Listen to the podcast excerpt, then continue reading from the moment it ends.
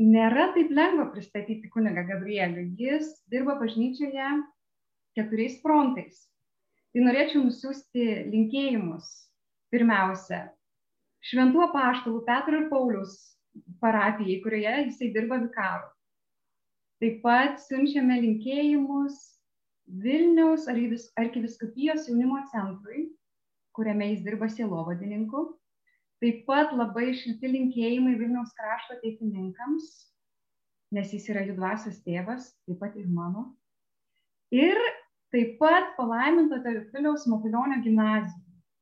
Ir iš tikrųjų, turbūt ne vienas iš jūsų klausote ir galvojate, kaip įmanoma viską suspėti. Nu, čiagi yra keturių žmonių darbas. Bet kaip sako toks tėvas Juozapas Minderis, yra posakis jo gimtojoje Brazilijoje, kad jeigu nori padaryti darbą gerai, reikia pagalbos, reikia kreipti į žmogų, kuris yra užimtas. Vadinasi, jis kažką gerai daro ir visi prašo pagalbos. Tai ačiū Gabrieliau, kad sutikai šiandien prisijungti prie mūsų. Ir klausimas tau, aš jau žinau, kad gavienę pradėjai anksčiau nei pelenų trečiadienį, kad ją pradėjai šiek tiek anksčiau. Tai kaip ją pradėjai ir kaip tau sekasi? Taip, iš tiesų, jau sausio 11 dieną pradėjau gavėti. Šiai gavėniai dabar, kai visi pradėjome, tai turiu tokį papildomą pasiryžimą, skaitau kasdien vieno šventojo gyvenimą. Tikrai labai įkvėpia, tokie būna impulsai kiekvienai dienai, rekomenduoju. Na, knyga tokia stora, bet labai įdomu, istorijos trumpos ir gerai parašytos. O šiaip nuo sausio 11 pradėjau tokią Exodus 90 programą.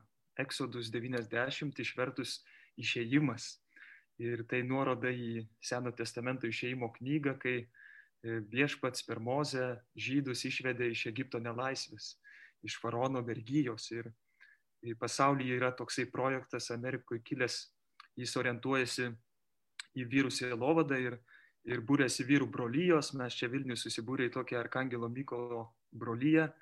Ir ką veikiam, nuo sausio 11-osios pradėjom tą 90 dienų kelionę, kurią baigsim gailestingumo sekmadienį, 8 Velykų dieną. Ir ką mes veikiam? Turime tokias tris kolonas. Maldos kolona, kad kasdien kiekvienas vyras melžiamės valandą su šventuoju raštu, Dievo akivaizdui. Ir tas labai maloniai stebina, nes brolyjos vyrai, kai kurie pradėjo keltis penktą ryto, kad sportuotų, nubėga gailesimo šventovės, valandą praleidžia su Dievu ir paskui pasako visiškai kitokia diena ir kaip jų žmonos džiaugiasi. Tai, žodžiu, melžiamės, bandom e, bendrauti su Dievu intimiau. O antra kolona yra tokia askezė, disciplinos.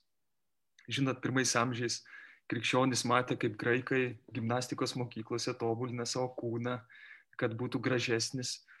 Ir sako krikščionis, mes turime užsimti sielos askezę irgi. Askezė tai išvertus pratybos iš graikų kalbos. Turim užsimti sielos pratybomis. Tai labai svarbu ir nuo, mes nuo sausio 11 turim visokių disciplinų įdomių. Čia gal net parodysiu telefone. E, vyrai, žodžiu, eina šaltą dušą kasdien arba stengiasi išmiegot tvarkingai, arba susilaiko nuo alkoholio, nuo saldumynų, nuo bereikalingo kompiuterio, telefono naudojimu, neužkandžiauja, ta pagunda dažna ar ne, kokį saldainį, kažką, kokią bandelę. Ir pasninkojam trečiadieniais, penktadieniais, ne šiaip nuo mėsos susilaikom, bet pasninkojam. Tai tokių disciplinų, kad ne kūnas mums vadovautų, bet mes pradėtume e, bendradarbiauti su mums Dievo dovanotų kūnu ir, ir kreipti jį link gerų darbų. Ir trečias dalykas šitoj programoj, tokioj gavėniškoj brolybė. Einam ne vieni, einam su brolyje, kas savaitę susitinkam irgi taip per Zoomą ir turim kiekvieną sporininką, su kuriuo susisiekėm kasdien, pastiprinam, melžiamės. Tai 90 dienų, šiandien man 41 ir, ir tokia pankstinta gavėnė, keliaujant į tokią vidinę laisvę didesnę. Bet visi tie dalykai pavyzdžiui, tos visos disciplinos čia, kur parodžiau, toks geras iššūkis ir iš tiesų didelis, yra daug kovos, e, bet nėra tikslas jos, jos nėra tikslas. Tai nėra e, kažkokia stoikų susirinkusi grupelė, e, vardan ko? Vardan meilės Dievų ir kitiem. Ne dėl savimėlės stoikiškos, kad, o, koks aš geras ir, ne. Tai va, šitą taip plačiau papasakojau, Milda, atliepinti tavo klausimą, nes manau, kad tai verta dėmesio. Labai verta dėmesio. Tai tokia e, gavėnė, kurią galime švęsti ne tik tai liturginiu laiku.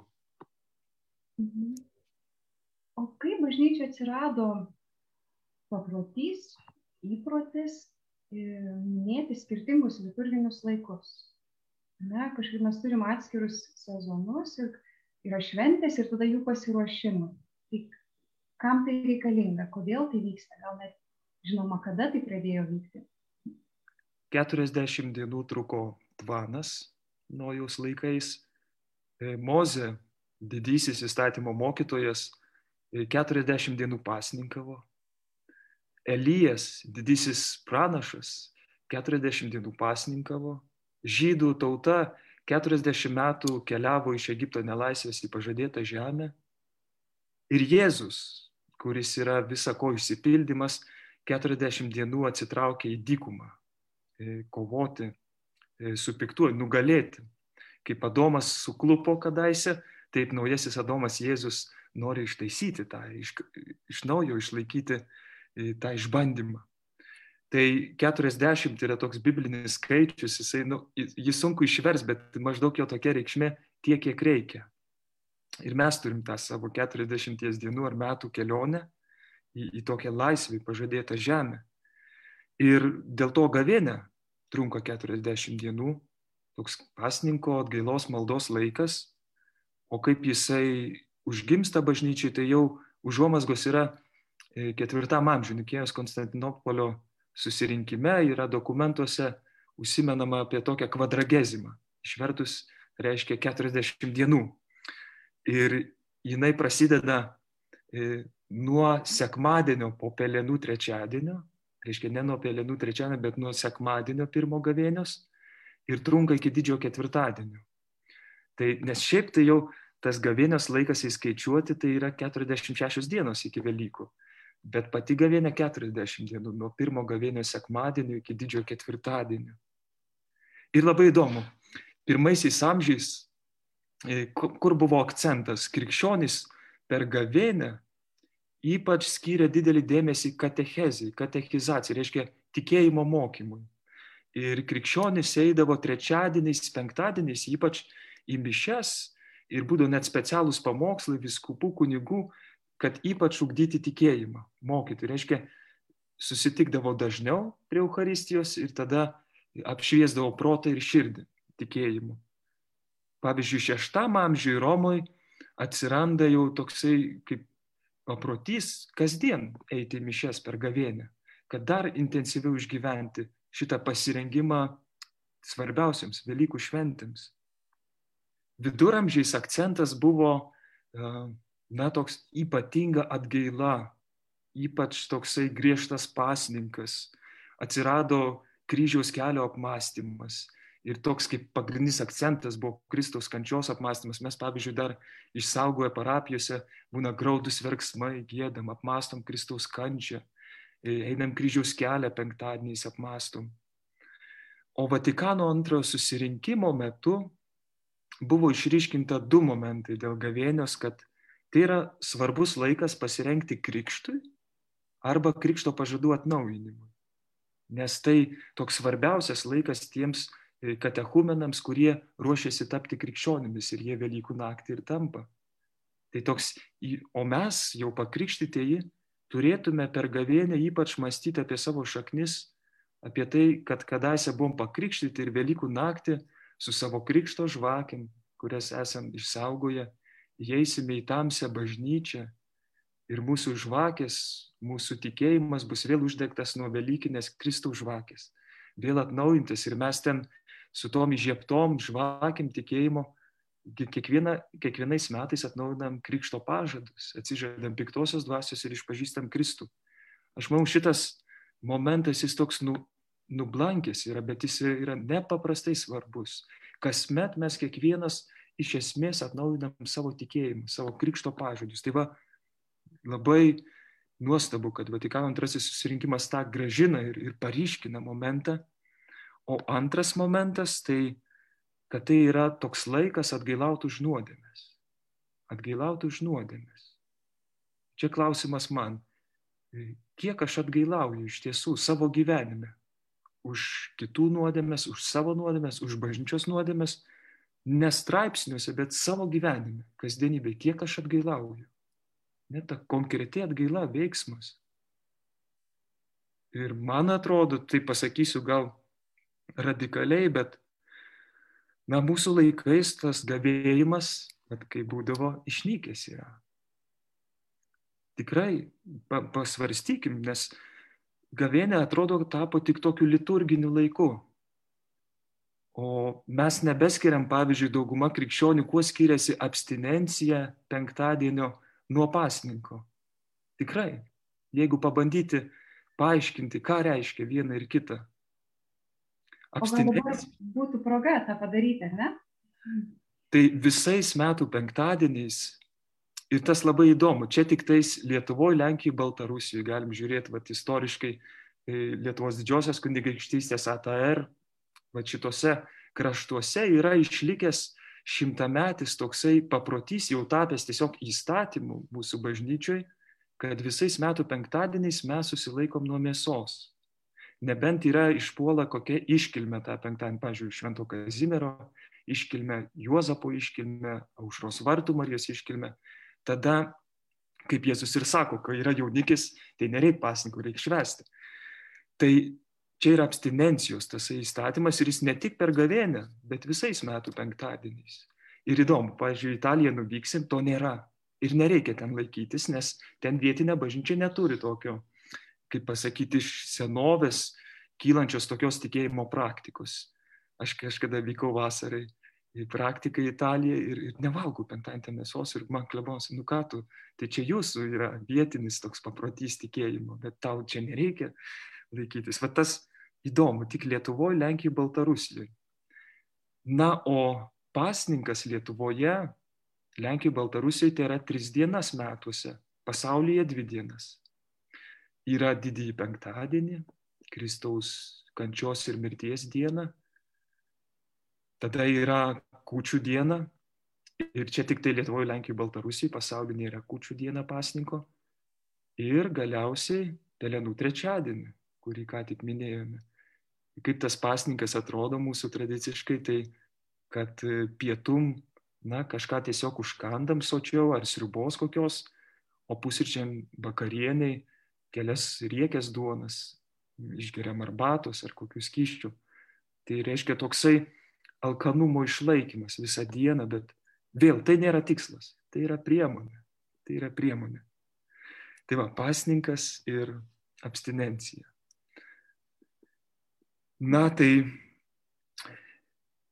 kadaise tai buvo nuo pirmų amžių praktikuojama ne tik penktadienis, bet trečiadienis. Ir ne tik abstinencija, nuo mėsos, bet apskritai toks pasninkas rimtas mūsų brolių ortodoksai yra išsaugoję. Ir ypač gavėnės metu tokį laipsnišką, vis griežtėjantį, kas savaitę pasninką ten nuo pieno produktų, nuo, nuo visokiausių. Ir, ir tikrai pirmais amžiais tas buvo, pažiūrėjau, kažkada šitoje knygoje skaičiau apie Šventą Mikalojų. Ir taip įdomu, aišku, ten tokia legenda yra, bet jinai parodo to meto krikščionių dvasingumą. Sako, kai Mikalojus gimė, tai pirmosius gyvenimo metus jisai trečiadienis ir penktadienis negėrė motinos pieno. Aš galvoju, kodėl trečiadienis, penktadienis, kaip suprast? Ai, taigi tikrai trečiadienis, penktadienis krikščionis laikydavosi pasninko. Ne kūdinimuose, ne dietos, bet pasninko. Iškia tai, ką sutaupydavo, ką būtų suvalgę, išleidę pinigus maistui, jie tada tai panaudoja geriems darbams, gailestingumo darbams. Tai vėl, ne? Tai nėra tikslas pats pasninkas, tikslas aukti meilėje. Tai mes ką dabar išsaugoję esam tokį eucharistinį pasninką, valandą iki komunijos prieimimo, ne iki mišių, bet iki komunijos prieimimo. Ligonėm yra tokia išimtis, o mūsų protėviai, seneliai tą pasninką turėdavo, kad tą pačią parą, jeigu eini į mišes, tai tą parą iki mišių turi nei skyščių gerti, nei valgyti. Man net pasako vienas senolis, sako, aš pamenu, kai vaikystėje mane vedė pirmos komunijos. Ir, ir kad, nu, taip įdomu ir tikrai keistai atrodo. Sako, man netgi uždėjo tokia truputį marlę ant burnos, kad aš koks, buvo tokia vasara karšta, daug visokių uodų, kad nieko nesuvalgyčiau, nieko.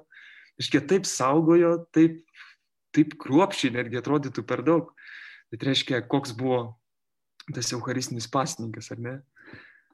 Na ir tos trys dienos metuose daugiau tokio kaip pasninko mes ir neišgyvename. Dėl to kalbėti apie gavėjimą, nu klausimas. Tai ir tos užgavėnės prieš telenų trečiadienį, kai būna atsivalgo tų, tų blynų bulvinių, ar ne, irgi toks praranda prasme, ar ne, nes tada tikrai žmonės švesdavo, valgydavo ir tada rimtai pradėdavo gavėti. Tai mes šiais laikais, tokiam esam lūžio momente, turim išgirsti Vatikano antro susirinkimo mokymą ir iš tiesų ta samprata gavėnios jinai iš naujo formuojasi, ją reikia atrasti. Nauji vynmaišiai, naujas vynas. O kas būtų svarbiausia, ko nepamesti? Tai iš tiesų dažnesnis Euharistijos šventimas per gavėnį. Ne tik sekmadienį, bet bent kažkokią dar papildomą dieną rasti savaitėj Ir taip pat gilesnis išpažinties šventimas. Sakyčiau, gal netgi pagalvoti apie viso gyvenimo išpažinti atlikti per gavėnį. Tai toks santūros laikas, tikrai tas santūrumas turėtų likti, nereiškia, ne, negalim šypsotis, bet iš tiesų dvasinis santūrumas.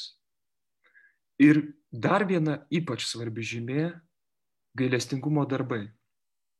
Nes krikščionys sekmadienį laikė tą dieną, kai švenčiam, bet ir ypač diena daryti geresnimo darbus. Tai per gavėnę kiekviena diena turėtų būti pažymėta to, kad mes darom geresnimo darbus kitiem. Ne tik kūnui, bet ir sielai, tą darom sąmoningai. Tai, tai visa tai turi vesti į meilę. Ne į kokią stoikišką savimėlę, visos tos disciplinos, bet turi vesti. Tikrai turi būti. Ir tada visokie pasiryžimai, kažkokie apsimarinimai, ta žodis dažnai jaunimas klausia, nu ką reiškia tas apsimarinimas, Čia, iš, kur, iš kur šitas žodis. E, na, latiniškai skamba mortifikacijo. Ne, tai apmarinti e, kūno jūslės, nenumarinti, bet apmarinti, kad jas mes apvaldytume ir kreiptume į gerą, į didesnį gėrį. Ir čia jau visokios tos disciplinos, dvasinės praktikos. Tai tokia gavėnė, ta samprata formuojasi, ją reikia paryškinti tos akcentus. Mhm. Aš išgirdau vieną mintį apie laisvę, kad šios praktikos padeda žmogui tapti laisvesniam. Tai klausimas,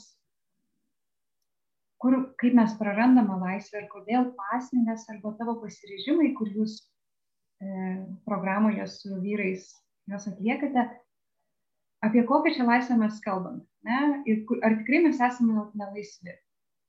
Kaip apašalas Paulius ragina mus, gyvenkite Dievo vaikų laisvėje.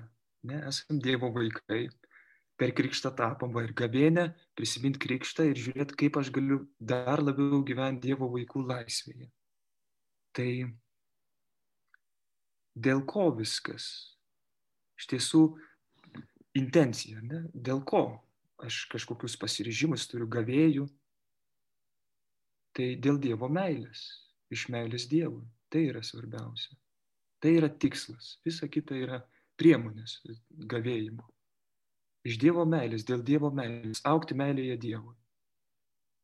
Ir kaip vaisius to bus e, šventumas, kur, kurį mes pašaukti kiekvienas e, įgyvendinti šiame gyvenime ir, ir visi turim darbo iki paskutinio atodusio. Tai bet tai bus kaip vaisius šventumas. Tikslas yra iš meilės Dievui, dėl Dievo meilės gavėti. O dar už vakar su vyrais brolyjai kalbėjom, kad mes 40 dienų laikėmės tų disciplinų ir mums pavyko daug gerų įpročių ir darybių išsiugdyti. Tai teikia džiaugsmą, pavyzdžiui, pasninkavom ir tada kai kurie vyrai sportavo intensyviai ir tapo stipresni, numetė svorio. Ir mes supratom, kad nu, ne tai yra tikslas. Nesusikoncentruoti šitą rezultatą ir kad mūsų visų disciplinų, pasiryžimų intencija turi būti ne išorinė kažkokia, kad tapti sveikesniu, kažkaip geriau jaustis, išsilaisvinti nuo e, visokiausių elektroninių įrenginių, kurių nesaikingas naudojimas kelia įtampą, blaško.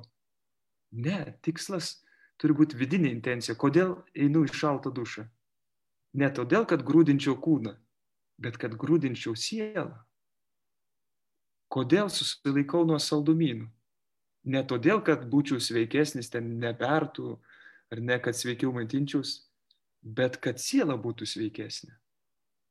Tai vad pereit nuo to išoriškumo į vidujiškumą, ką Jėzus kalba. Ne išorę blizginti taurės, bet vidų. Tai tikrai čia ypač svarbus momentas, nes galim labai gerai gavėti, įgyti daug darybių. Bet svarbiausia tai yra ta vidinė intencija. Vardan ko, dėl ko aš tą darau. Ir iš tiesų viską koncentruoti į Dievą, į, į savo dvasę. Šventasis popiežius Jonas Paulius II yra pasakęs, kad tikroji laisvė arba didžiausia laisvė yra laisvė mylėti. Ir kad mes tampam vargais visokių prisirišimų, netinkamų polinkių. Ir tada net ir labai norėdami mylėti, mes nesugebame mylėti artimą, ar neturim laiko, esame nuvargę, neturim įpročio, Na, kaip sakė Šventasis Paulius, darau, ko nenoriu, nedarau, ko noriu. Ir man atrodo, kad tas gavėnios metas yra tas metas, kur pamatai, kokia yra tikrovė. Mes tik taip dažnai labai gerai apie save galvojam, koks aš nuostabus, šaunus, čia man viskas sekasi, ne, bet turbūt gal geriau išsibandyti ir pasitikrinti tikrovę pasniko metu, ne, negu kai atsidurs situacija, ne kurios tu nepasirinkai, kad būti pasiruošus artimo meilės darbui, ne, jau dabar ugdyti šį pasiruošimą, kad kai ateis situacija, nežinau, didžiulė lyga, kažkoks kitas dalykas, karantinas, ne, reikės būti kartu, būsim visi pavargę, kad turėtume įprotį, net apsimarinimo įprotį pažvelgti kitą, ne, jį atsikreipti tiek į artimą žmogų, tiek į Dievą. Tai man man taip atrodo, kad ta laisvė mylėti iš tikrųjų labai daug pasako. Kad mes tikrai nesame tokie laisvi mylėti, kaip atrodo. Nu. Dievas mums davė tą pažinimo ir, ir valios galę kaip asmenims. Ir daugiausia, kam mes tai galim panaudoti, tai meiliai. Mm. Tai gavienė išlaisvina ir, ir, ir toks tikslas apvalyti kažkaip sielą. Na tai vėl Pradėjom su pelenų trečiadieniu. Atmink žmogau, jog dulkėsi ir dulkėmis virsi. Kai kurie uh, broliai, seserys sunkiai to žodžius priima, nuskamba stipriai, bet mums iš karto primena, su kokia nuostata laikysena pradėti šitą gavėnios kelionę nuolankiai. Nuolankiai. E, nuolankumas tai tiesos darybė. E, gebėjimas save matyti Dievo akimis, Tai matyti save tiesoje ir būti tiesoje su savimi ir su kitais. Tai nepada, nepagražinti apie save mastant, bet irgi nepažeminti, nes būtų netiesa. Matyti, koks esu ir stotis Dievo akivaizdu nuolankiai. Ir tada viešpats tikrai gali daug malonių duoti. Labai geras pastebėjimas apie tai, kas yra nuolankumas Mes dažnai įsivaizduom, kad nuolankumas tai yra savęs pažeminimas, kažkoks nesveikas nusižeminimas, bet iš tikrųjų tai yra buvimas tiesoje. Ir aš prisimenu pati vieną pokalbį su kunigu, kuris sako, nu, nuolankumas reiškia, kad tu nepakraupsti, pamatęs, kad esi netobulas, priemi, iš, iš tikrųjų taip yra ir nieko čia tokio, dabar supranti, kad vienas negali ir iš tikrųjų tau reikia Dievo pagalbos. Ramiai. Tai ačiū. Čia nežinau, reikia mums pataisyti šitą kaip čia, nuvertėjusią nuolankumo darybę. Pamatyti, kur tikroji jos esmė. Aš pagalvojau, kad dar yra tokių keletą momentų gavėnios, kurie galėtų būti įdomus. Bet prieš tai jau matau atėjo vienas klausytojos klausimas. Klausytoja nori daugiau sužinoti apie išpažinti jo svarbą gavėnios metu. Iš tikrųjų, kodėl mes einame iš pažinties ir kodėl gavėnė šis metas toks tinkamas išpažinti? Na, gimtoji nuodėmė yra tarytum rauksai. Ir tai labai biblinis kalbėjimo būdas apie nuodėmę. Mes rauksai susirgom per Adomą ir Jėvą. Bet viešpats krikšto vandenį nuplovė mūsų raupsus kaip tam siloamo tvenkinyje. Tačiau raupsai gali vėl atsinaujinti. Ir raupsai tai yra sielos lyga nuodėmė, kuri pūdo sielą. Jeigu žmogus sirgo vėžiu, jisai paskui turi dažnai tikrintis, nes gali vėl atsinaujinti vėžys. Taip yra su nuodėme mūsų sielų. Yra, kaip pati minėjai, Paulius tą ištarą romiečiams, kad nedarau gėrio, kurio trokštų, bet darau blogį, kurio nenoriu. Tarytum manį gyvena nuodėmės įstatymas. Kažkoks tas nuodėmės virusas. Viešpats mus vakcinuoja per krikštą. Na, aišku, čia taip e, paviršutiniškai sakau. E, bet e, nepaisant to, kad mes po krikšto tampam šventais, kažkaip sugebam vėl išbarstyti tas malonės. Dėl to išpažintis yra vadinama nuo pirmo amžių mažojų krikštų arba vargingojų krikštų. Jis per išpažinti viešpats mums vėl gražina krikšto vaisius. O kas yra pagrindinis vaisius? Šventumas. Ir, ir čia ir yra ta mūsų pagrindinė, iš tiesų žiūrint dvasinį gyvenimą, šiame gyvenime, pagrindinė užduotis ir saugo tą malonę stovį, šventumo būseną. Tai nereiškia, kad tik po mirties tie, kurias paskelb šventaisiais, bažnyčia iš tiesų yra šventi. Ne. Apašlas Paulius, krikščionis, rašydamas jiem laiškus, sako, jūs šventieji ir Dievo numylėtini.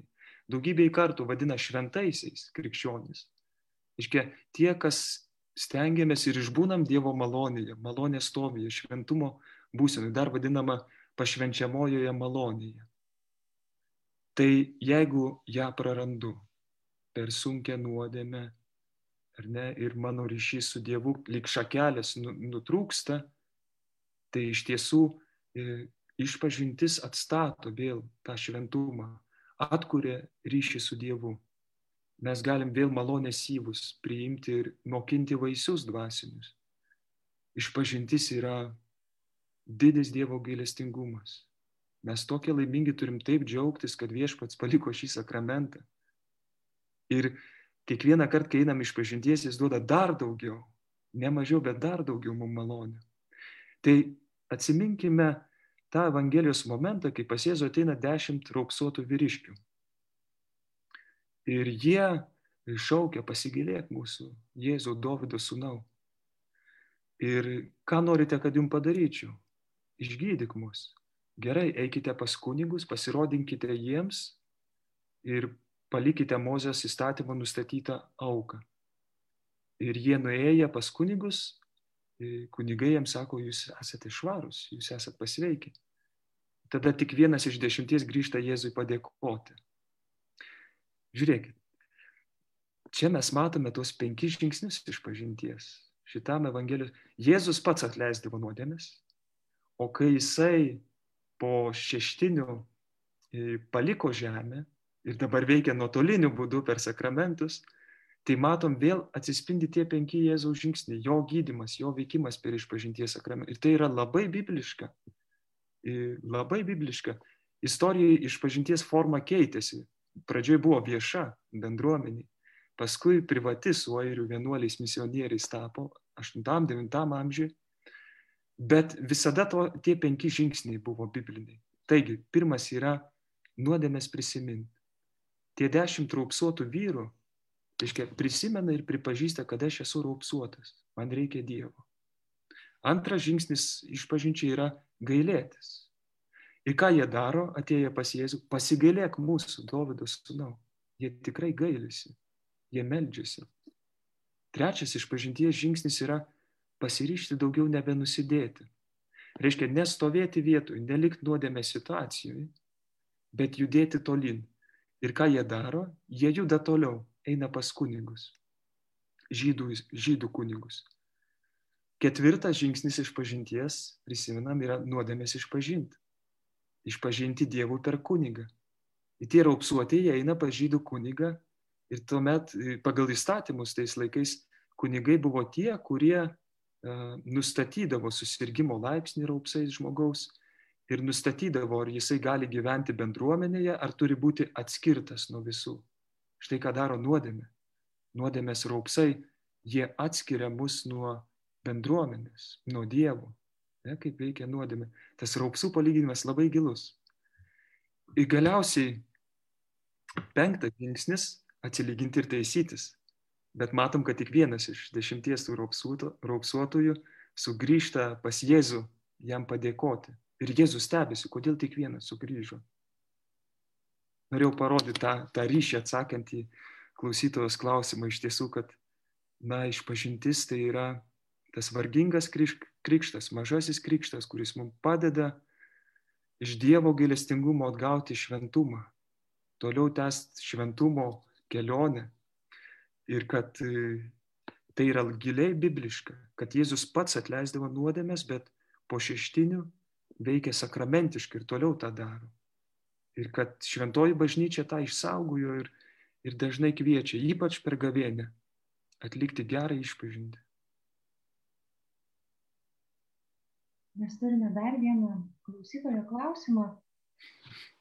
Ir galvoju, visada gerai pasikartoti. Taigi klausimas apie tai, ką jau kalbėjom, bet matyt, reikia labiau užakcentuoti. Kodėl gavėnios metu svarbu laikytis pasninko? Na, tai yra toks e, iš Biblijos, iš mūsų tikėjimo paveldo kylantis nurodymas, pats viešpats daugybėje vietų ragina pasninkauti. O paskui kyla irgi toksai kvietimas, įkvėpimas pasninkauti mums iš pavyzdžio. Tai iš Elijo pavyzdžio, Mozės pavyzdžio, iš Jėzaus pavyzdžio. E, mes sekame juo ir būkim ne tik tai gerbėjai Jėzus, bet ir sekėjai. Ir Jėzus 40 dienų ir naktų pasninkauja. Jisai dažnai ragina paštlus pasninkauti, jie pasninkaudavo irgi kartu su juo.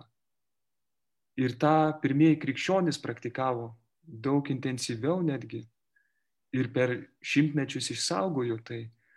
Ir pats Jėzus savo kalno pamokslę, svarbiausiam pamokslę, kalba apie tris žymiuosius darbus - maldą, išmaldą ir pasninką. Jisai tikrai labai net prioritizuoja šitą raginimą, kad tikrai e, mes turėtume e, pasninkauti, kad tai na, ypač yra tokia svarbi krikščioniško dvasingumo žymė, elementas.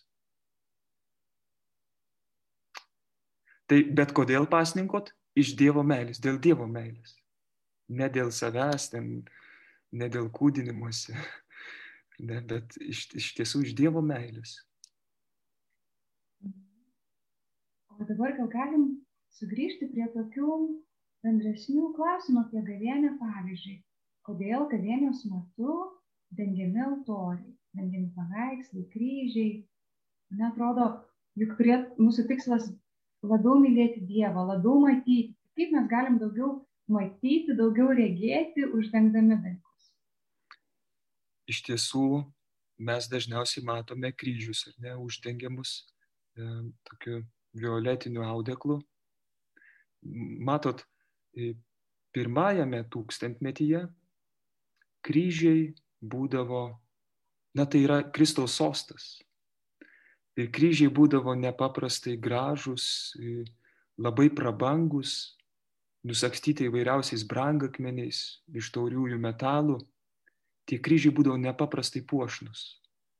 Dėl to per gavėnę tą tokį kančių laiką, ypač artėjant didžiai savaitę ir per didžiąją savaitę, tie puošnus kryžiai būdavo uždengiami viena vertus dėl santūros akims, kita vertus e, slėpinys, kryžiaus slėpinys, šiek tiek paslepiant E, išryškinamas pats slėpinys ir svarba kryžiaus.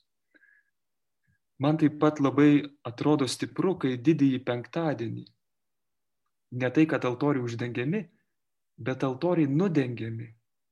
altoriai lieka pliki. Ir ant pagrindinio altoriaus išstatomas e, kryžius. Didį penktadienį mes turime kryžiaus adoraciją. Kaip kad švenčiausio sakramento adoracija, taip kryžiaus adoracija. Ir didįjį penktadienį yra viena diena metuose, kai po, pro kryžių eidami ar namie, ar gatvėje, o ypač bažnyčiai, mes ne šiaip nusilenkiam, bet priklaupiam, kaip prie švenčiausiai sakramentą. Ir va toks laipsniškas uždengimas kryžių ir paskui didžiojo penktadienio pamaldose, nemišiose pamaldose, e, kryžius laipsniškai per tris kartus yra nudengiamas ir tada vyksta kryžiaus pagarbinimas, kai kiekvienas ateinam pabučiuoti nukryžiuotojo. Priklaupiam, pabučiuojam ir adoruojam tą dieną Kristų kryžiuje. Vyksta e, kryžiaus adoracija. Tai man ypač šitas momentas toks stiprus ir kai altoriai nudengiami, kai niekas nebevyksta, Kristus mirė ir mes adoruojam šventąjį kryžių.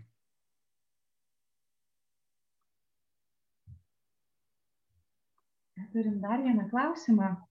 Klausytojai įdomu, kodėl ta jūsų vyrų grupė, apie kurią kalbėjote, taip elgesi. Ne, vat, turi to savo prasirežimus, vardan kokios intencijos. Ir gal galėtum daugiau papasakoti, kaip čia šita grupė atsirado, kaip susibūrė, gal galim prisijungti, turbūt ne vienas norėtų. Prieš keletą metų Amerikoje vienoje kunigų seminarijoje kunigas dvasios tėvas klierikų surėdė tokią programą formacijos, tokią ypatingą, specialią programą ir pritaikė klierikam ir pamatė, kad iš to kyla labai daug vaisių. Ir tą programą pritaikė tada Amerikoje vyram, pasauliečiam. Ir tada jinai taip išpopuliarėjo, dabar jau antri metai kaip vyksta ir pasaulyje šiuo metu 30 tūkstančių vyrų dalyvauja joje. Ir kitą kartą tikrai sakau, labiau žmonos džiaugiasi savo vyrais, net ne, ne vyras, nes tos vaisius jaučia šeimos, jaučia bendruomenės. Ir tai yra būdas kažkaip šiandien padėti irgi vyrui rasti vietą bažnyčiai, parapijoje. Kartais yra tas iššūkis dėl, dėl vyrų sielovados, kad jiem prakalbėtų Dievo žodis, kad jie įsitrauktų aktyviai į bendruomenės gyvenimą Tai čia yra vienas iš, iš kelių - burti tokią brolyje savo parapijoje, kažkokioje organizacijoje. Tai tokia yra istorija, kaip atsirado, o tikslas tai kiekvienas dalyvis turi atlikti tokius rimtus namų darbus prieš tą programą, pasirengimo, pasiruošimo ir labai aiškiai, konkrečiai įsivardyti, kodėl aš einu šitą kelionę, ko aš meldžiu iš Dievo, kokia mano intencija. Ir tada eina tą kelionę su brolyje, ne vienas, nes iš tiesų mes nu, turim remtis vienas į kitą ir ta malda, užtarimas, vienas kito palaikymas labai reikšmingi yra ir motivuoja, nes aš žinau, kad mano pastangos, jeigu aš apleidžiu tą programą, kenties ir brolyjos nariai ir, ir praras daug malonių. Tai tas kažkaip ir įpareigoja. Tai vardan ko? Nu, tai, ką mes kalbėjome, E, vardan gyvenimo Dievo vaikų laisvėje, išsilaisvinti iš to faraono valdžios. Faraonas tai čia simbolis, metafora piktojo, kuris labai sumaniai mus supančioje gyvenime. Kaip koks voras, voratinklis, mes net nepajaučiam, paskui pamatom. Ir ta programa leidžia atverti akis, pamatyti save tiesoje, kur mano tie visi Achilo kulnai yra. Ir, bet tikslas pagrindinis programos, tai jinai labai patraukli. E, meta iššūkį, noris eiti to, tokiu ekstremaliu dvasingumu, jeigu taip galim būtų pasakyti. Bet iš tiesų jinai e, moko sugriauti pasitikėjimą savimi, savo jėgomis, apie ką kalba popiežius, apie neopelagionizmą.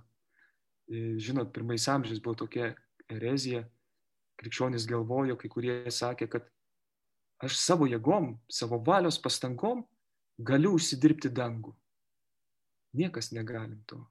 Tai yra Dievo dovana. Visa, ką mes gero pajėgėme pasiekti, padaryti, tai yra Dievo malonės vaisius. Tai popiežius sako, kad šiais laikais atgimsta toks neopelagianizmas, kai mes galvom, kad tobulumo, savęs išsipildymo galim pasiekti savo jėgom per įvairiausias technikas. Ne. Tai va šitos programos esminė mintis ir yra, nu, per daug, daug dienų, per mąstymų ir visokias komentarus ten, kur pateikia mąstymui maldai, iš tiesų moko sugriauti pasitikėjimą savimi ir pradėti pasitikėti Dievu, bendradarbiauti su juo, eiti per šį gyvenimą, tikrai su juo viduje. Na taip, pabandžiau kuo trumpiau atsakyti ir išryškinti, kas svarbiausia, vardan ko, dėl ko. O, o ką daryti tiem žmonėm, kurie neturi brolyjos, neturi bendruomenės ir turbūt šiuo metu nelabai pavyks jos sukurti? Kaip jiem gavėti, kaip jiem išsilaikyti? ne savo pasiryžimuose. Na, jeigu mes kasdien e, per gavėnios laiką skaitytume dvi valandas šventą raštą, per visą gavėnę perskaitytume visą šventą raštą. Čia galėtų būti vienas toks rimtas pasiryžimas. Ir labai svarbus, nes kas nepažįsta raštų, negali pažinti Kristaus. Iš tiesų Dievo žodis turi būti pažintas. Popiežius nebe priežasties įsteigė Dievo žodžio sekmadienį. Ir mes turim daugiau skirti dėmesio šventam raštui. Ir rekomenduoju skaityti nuo naujojo testamento. Pradėti naujoju ir tada senąjį. Nes senąjį mes turime žvelgti į jį e, Kristaus akimis. E, raktas yra Kristus, kuris viską atrakina ir paaiškina net labai keistas ir sunkiai suprantamas švento rašto vietas. Tai vat vienas pasiūlymas praktinis gavėniai skaityti Dievo žodžių, žodį, taip pat e, pasninkas. Apskritai tie trys žymieji geri darbai, kur Jėzus mus moko. Malda, pasninkas, išmalda. Malda mes žinome, Dievas yra visur ir visada su mumis. O kas yra malda? Bendravimas su juo. Reiškia, visada galima melstis. Ne tik vienuoliui, kunigui ir pasaulietis gali visada melstis. Jeigu jisai sėda studijuoti, tarkim, studentas ir prieš studijas pasimeldžia ir sako viešpatie, aš tą valandą aukoju tau už tai ir tai, tai jisai pašventina savo studijas, pašventina kažkokį žmogų, už kurį meldžiasi ir meldžiasi tuo laiku. Ir, ir vaisi dar visai kitokia bus tų jo studijų. Tai pavyzdys, kaip mes galim pašventinti savo darbą ir pavers maldą. Malda yra bendravimas su Dievu ir galima labai įvairiais būdais su juo bendrauti. Malda, žinom, yra iš esmės trijų E, trijų tipų. Žodinė, kai kalbam rožinį arba poterius, yra mąstymo malda, kurią geriausia atlikti su šventųjų raštu arba šiaip kitą kokią dvasinę knygą skaitant, bet iš tiesų mąstyti protų ir širdim šventą tekstą. Ir yra kontemplatyvi malda. Tai kai jau nemastau kažkaip protų širdim, bet klausau Dievo, ką jis nori man sakyti, kontempliuoju jį, geriuosi juo, būnu su juo, šildausi prie jo. Paprastai ta tokia mąstymo malda ir jeigu Dievas duoda tą malonę ir kažkaip pakilėja į tą kontempliaciją. Tai trys tokie tipai maldos. Bet Jėzus ragina melstis, ypač per gavėnį. Ir iš tiesų turėtų būti visi tie trys tipai mūsų gyvenime maldos. Nes žodinė malda yra labai svarbi bet jos neužtenka. Yra kaip, kaip maistas kūdikiui, pienas. Kai mes paaugam, neužtenka to, reikia košės, kažkokių daržovių ir tai met tokia kaip mąstymo malda, kuri yra jau kaloringesnė, maistingesnė mūsų sielai. Ir galiausiai yra kontemplatyvi malda, kur viešpats duoda daugiausiai jėgų, maisto mūsų sielai, tai lyg koks geras kepsnys, ne, kurio visi norime. Tai vad derinti, kaip čia pasakyti, mytybą sielos. Malda iš tiesų yra maistas mūsų sielai. Bet vėl, tai vad malda. Reiškia, rekomenduoju turėti pasiryžimą konkretų dėl maldos šitai, šitam gavėnios laikui. Tikrai konkretų, kaip aš daugiau bendrausiu su Dievu. Ir malda svarbiausia, kad būtų reguliari ir ištikima. Kita kart nėra vaisių, nejaučiu nieko, Bet aš neinu į maldą dėl savęs, kad pajusčiau pasitenkinimą, gerus jausmus. Tai būtų tada ieškojimas ne Dievo, o savęs. Kita kartą tokia malda, kuri yra sausa ir prieska, būna dvasiškai pati vaisingiausia ir naudingiausia, labiausiai auginanti. Ir dėl ko? Nes mes esam, einam dėl Dievo melstis. Esam ištikimi. Ne dėl savęs, ne dėl geros savijautos, bet dėl Dievo einame bendrauti su juo. Dabar pasninkas. Mūsų laikais va, ta samprata gavėnius, gavėjimo iš tiesų nunykusi ir turėtų kažkokia nauja susiformuoti. Siūlau kažkaip svarstyti apie vaizduotės pasninką. Pavyzdžiui, kažkaip ta skaitmeninė hygiena aktualu, ypač kai mes karantino metu sėdim ir turim daug daugiau laiko džiūti prie ekranų. Tai kažkaip pasirūpinti vaizduotės pasninku. E, mūsų pasauliu daug visko mirga marga ir leisti mūsų sielai, dvasiai, vaizduotėjai e, apsivalyti, pasninkauti skaitmeniniu būdu irgi. Kartais per adventą gavėnę atsitraukiu nuo socialinių tinklų. Ir tai tikrai na, labai padeda išgyventi giliau tą liturginį laiką. Arba siūlau e, garso pasninką. Turim daug triukšmo. Triukšmo ne tik decibelų prasme, bet, bet iš tiesų jūslių, aistrų, jausmų prasme. Yra tiek informacinio triukšmo, Ir iš tiesų vėl gali būti labai įvairūs tie pasiryžimai, kurie mums padėtų išgyventi daugiau tylos, nes Dievas kalba tyloje. Kai yra mano jausmų, emocijų triukšmas toks stiprus, aš galiu bandyti melsis, bet neišgirstu Dievo, blaškausi. Dėl to svarbus tas garso pasninkas. Tai, tai štai tokių pasiūlymų vieną gavėnę buvau užsiemęs iš mašinos magnetolą ir, ir turėjau tokį garso pasninką. Arba mes su vyrais per šitas 90 dienų turim vieną iš disciplinų - neklausyti triukšmingos muzikos. Ir stengtis, jei klausau muziką, klausyti sakralę kažkokią, klasikinę, kuri pakilėja dvasę dievop, arčiau dangaus. Tai galėtų irgi būti puikus pasiryžimas gavėniai.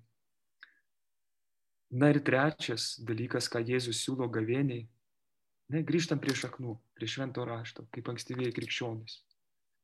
Be maldos ir pasninko Jėzus kalba daug apie išmaldą. Vėlgi, daugelio situacija finansinė labai sudėtinga dabar. Ir mes nekalbėkim tik apie pinigus kaip išmaldą, bet pavyzdžiui, mano dėmesys kitam kaip išmalda, mano skambutis žinau, koks giminaitis gal vienas gyvena, paskambinti, išklausyti, paguosti, pastiprinti. Tai bus nuostabiausia išmalda kitą kartą, didžiausi tūkstančiai e, pinigai e, neatstotų to skambučio. Arba mano sveikatos išmalda, savanoriaujant, patarnaujant kitiem. Mano kantrybės išmalda, kitą kartą visi pažįstame susidurėme, būna tokių situacijų, kai žmogus labai nori kalbėtis, jau nujaučiu, kad čia lėkiu, skubu, nu ir reikės sustoti ir, nu, žodžiu, išklausyti kantriai, išklausyti, būti, priimti, apkabinti. Tai vėl nuostabi išmalda, kurios jokie pinigai neatstos. Arba mano dėmesio išmalda kitam, komplimentą kažkokį pasakyti. Tai žodžiu, malda pasninkas išmalda. Iš tiesų, kaip kūrybingai mes galime tuos Jėzaus raginimus įgyvendinti ir per šią gavėnį. Ir siūlau tada su malda, su pasniku, su išmalda turėti kažkokį vieną pasiryžimą su kažkuriuo iš šitų dalykų. Į konkretų. Bet jį priimti ir pasiryšti jo laikytis, būnant Dievo akivaizdui prie tabernakulio ar bažnyčiui ar jeigu kas turit kokį dvasinį vadovą, dvasios tėvą ar motiną, aptarti su juo tai ir nuspręsti, kad tai vyktų ne tik tai mano e, širdį tas sprendimas, bet kartu su Dievu, vardan jo. O ką daryti žmonėm, kurie lyg ir norėtųsi, norėtųsi jiems gavėti, bet labai sunku gavėti dėl Dievo meilės. Ne, pavyzdžiui, gal yra žmogus, kuris klauso mūsų ir jam labai patinka bažnyčios mokymas, nepritarė moraliniam mokymui, nežinau, socialiniam mokymui. Ir žavi krikščionybę, bet vat santykių gilaus su Dievu neturi. Ne? Ir, o vis galvoja, bet aš lik ir norėčiau prieartėti prie bažnyčios. Tai ką tada tokiu atveju daryti per gavėnę? Kai lyg ir neturi tokio didžiulio troškimo būti arčiau Dievo. Dievas kalba labai įvairiai ir malonė, mes jos negalim įrėminti, mes net neįsivaizduom, kaip Dievas veikia. Kita kartą per mano klaidas ir nuodėmės ir papiktinimą gali Dievas išlėti malonės ir atsivertimus. Dievas gali veikti per didžiausią nusidėlį, visuomeniai nurašytą. Tikrai malonės mes negalim įrėminti. Ir man labai patinka tėvas Benediktas Grošelis, jisai vienoje savo knygoje rašo, na, yra daug šaltinių, kaip mes galim bendrauti su Dievu, pažinti dvasinius dalykus - šventas raštas, sakramentai, bažnyčios mokymas. Bet Dievas kalba dar plačiau. Ir yra tokie trys Dievo balsai, kuriuos mes galim irgi mokytis klausyti ir surasti tame Dievą. Ir tada, kuo labiau pažįstam, tuo labiau pamilstam kuo labiau pamilstam, tuo dar labiau norim pažinti ir užkuriam savo širdį Dievo meilę ir norime dar daugiau, tas troškimas auga. Labai svarbu va tą, tas žaryjas, tą liepsnelę vis pakurstyti, labai svarbu išsaugoti.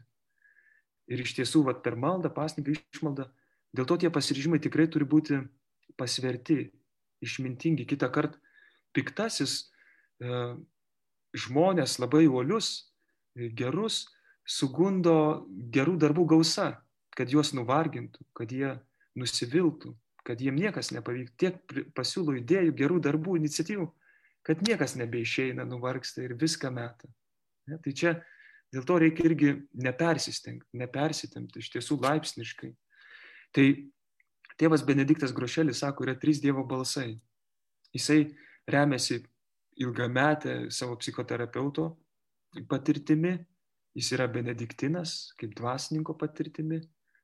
Ir taip pat jisai labai remiasi į tokią filosofinį mąstymą, klasikinės tomizmo. Krikščioniškai filosofija, remdamasi Aristoteliu, sako, kad Dievas yra pat, patsai gerumas, pati tiesa, patsai grožis. Ne šiaip gražus geras, bet jis ir yra tai. Reiškia, Dievas kalba per grožį, tiesą ir gėrį. Ir kiekvienas mes esame jautrus kažkuriam iš šitų balsų ypač. Atpažinkim. Na, pavyzdžiui, yra žmonių, kurie uh, gilindamėsi į mokslą, į tiesą, filosofuodami, jie per tai artinas prie tiesos ir išgyvena tokį intimumą su Dievu, artumą su antgamtybė. Reiškia, kuo arčiau jie priartėja tiesos, tuo arčiau ir Dievo, kuris ir yra šaltinis, ir yra pati tiesa. Tai toks kaip aplinkelis, e, tai čia žmonėm, kurie labai racionalūs ir jiem reikia argumentų, tų daug klausimų. Tai mes turime mažąją akademiją, vairiausius kursus, turim daugybę visokiausių mokymų ir gilintis, domėtis, pasimti dvasinę knygą. Ačiū Dievui, turim katalikų pasaulio knygyną, kur tokių gerų veikalų išleidė. Yra kitas Dievo balsas, gėris. Žmonės, kurie užmygo dabar, kol kalbėjau apie tą tiesą, tiesos balsą, tai matyti jiem, jiem nereikia argumentų, nereikia atsakymų, ten kažkokių dievų buvimo įrodymų. Nu tai nekalba, neartina prie Dievo. Jiem reikia parodyti Dievą per gerumą. Ir tie žmonės, jie ypač jaučia Dievą, išgyvena Dievą, darydami gerą kitiem ir jausdami vis daugiau gėrio aplinkui save. Tai pavyzdžiui, motina Teresė, ne, kuri visą gyvenimą atidavė gėrio darimui ir tame rado Dievą. Ir, ir tokią pilnatvę, ir paguodą, ir džiaugsmą. Tai vėl, žinau, jaunimo, kur Vilniuje atvykę pradėjo savanoriauti ir per savanorystę gero darimą prieartėjo prie Dievo, kuris yra patsai gėris. Atnaujina tai jų tikėjimą. Tai vienas aplinkelis vėl. Ir trečias - grožis. Kai bėga širpuliukai per nugarą klausantis muzikos ar net ašaros. Kai esam kalnuose ir stebėm saulėtikį ir saulėlydį. Ir ta tokia nuostaba, netgi šiurpinanti tokia, kai žiūrim žvaigždės arba ragaujame sunokusią slyvą ir jaučiam jos grinumą ir skonį. Tai tas grožio išgyvenimas mums leidžia prisiliesti prie kurėjo, prie paties Dievo, kuris yra grožis.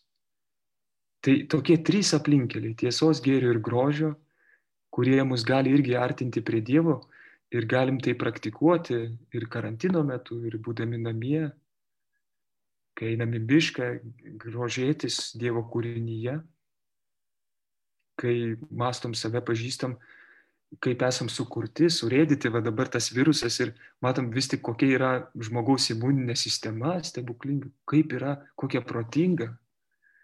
Tai grožėtis irgi tuo, koks yra kurėjas, į kokie mes ypatingi. Tai žodžiu, yra daugybė kelių į Dievą, tik svarbu eiti. Ačiū. Šį vakarą mes baigsime mūsų pasikalbėjimą. Norėčiau pabaigti su mintim. Kaip tik šiuo metu skaitau Gilberto Kito Čestertono knygą apie Šventąjį Pranciškų. Ir ten jis vienoje vietoje sako, kad didžiausias ateizmo tragizmas, jis pasijunta dėkingas ir suvokia, kad nėra kam už tai padėkoti. Tai iš tikrųjų šitas gavėnės laikas, tas tylos laikas yra klausimo laikas, ne, kad suprastume, mes priimtume, kad iš tikrųjų turim kam padėkoti. Tai ačiū Gabrieliau, ačiū Dievui, ačiū Jums klausytojai ir iki kitų susitikimų. Su Dievu. Su Dievu.